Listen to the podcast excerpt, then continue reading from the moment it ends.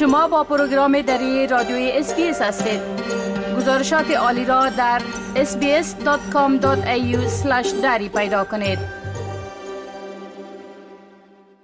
در حالی که استرالیا با بحران مخارج بلند زندگی دست و پنجه نرم می کند از حکومت خواسته می شود که پرداخت های بیکاری JobSeeker را افزایش دهد.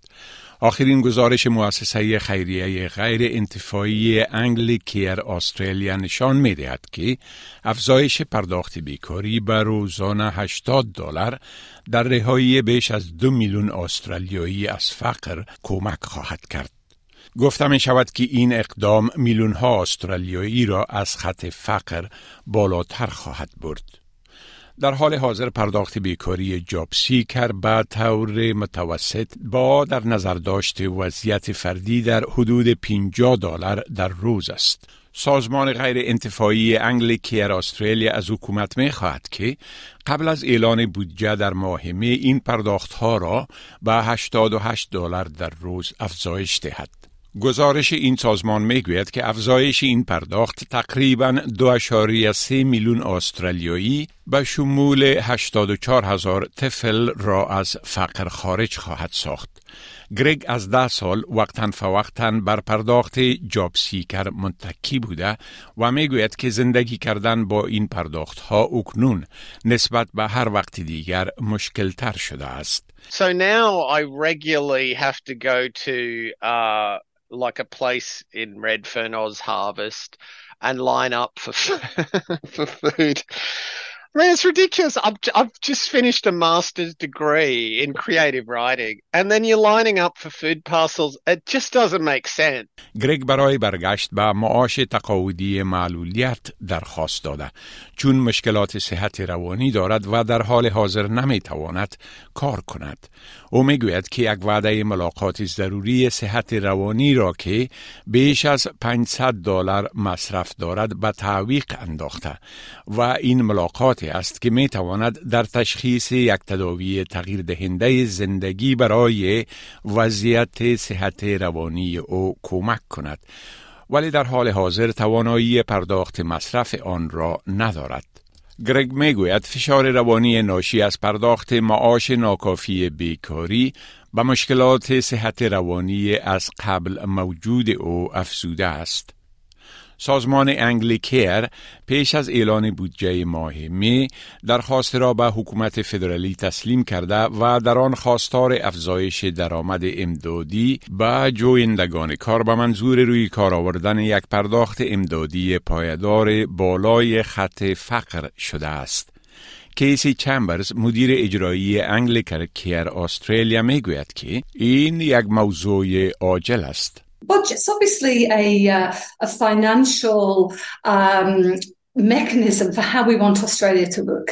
And what we're saying is that we know that the the rate of um, working age payments is so low, it is pushing people into poverty.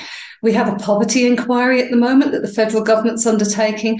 We have the the federal government looking at um, how we measure well-being in its budget, and we're saying we cannot possibly have those conversations without a rise in job seeker. کریستین اوکانل در بخش تحقیقات پالیسی و ارتباطات در مرکز ضد فقر کار می کند.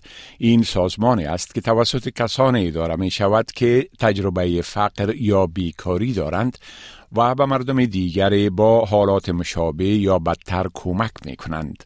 خانم اوکانل می گوید واضح است که حکومت این فرصت را دارد که میلیون ها نفر را از فقر نجات دهد. Every person on social security payments, job seeker or otherwise, is living below the poverty line.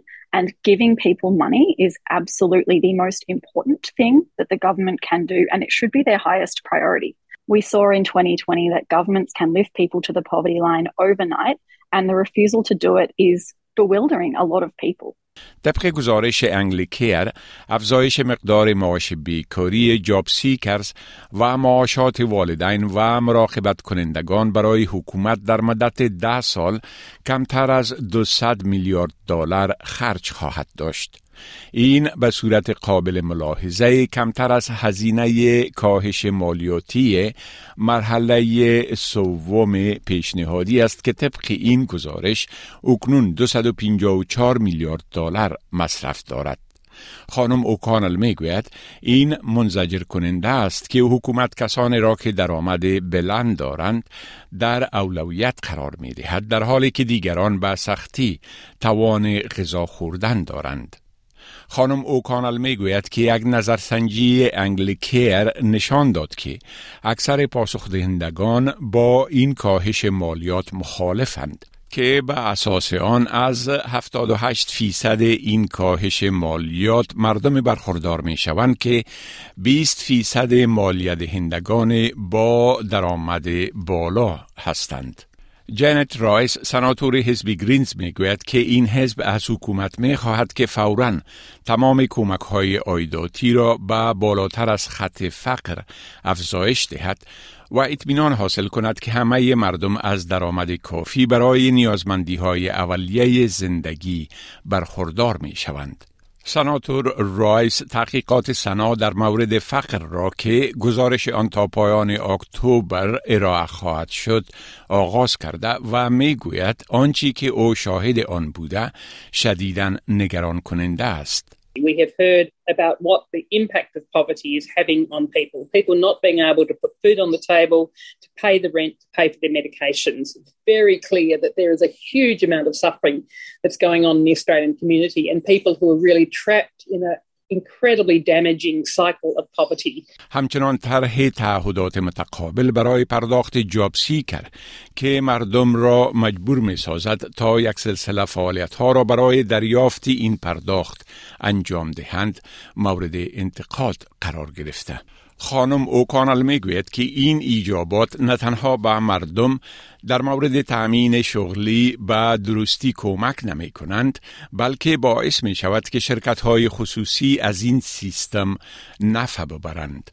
سناتور رایس می‌گوید که حزب گرینز خواستار لغو همه موانع دسترسی به پرداخت های ضروری هستند.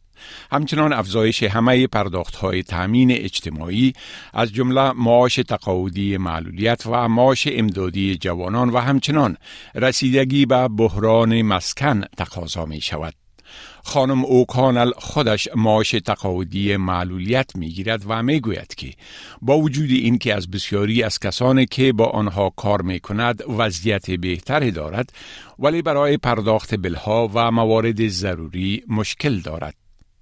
استرالیا در یک نیم سال پس از لغو پرداخت مکمل کووید 19 شاهد افزایش قابل توجه در مخارج زندگی بوده است.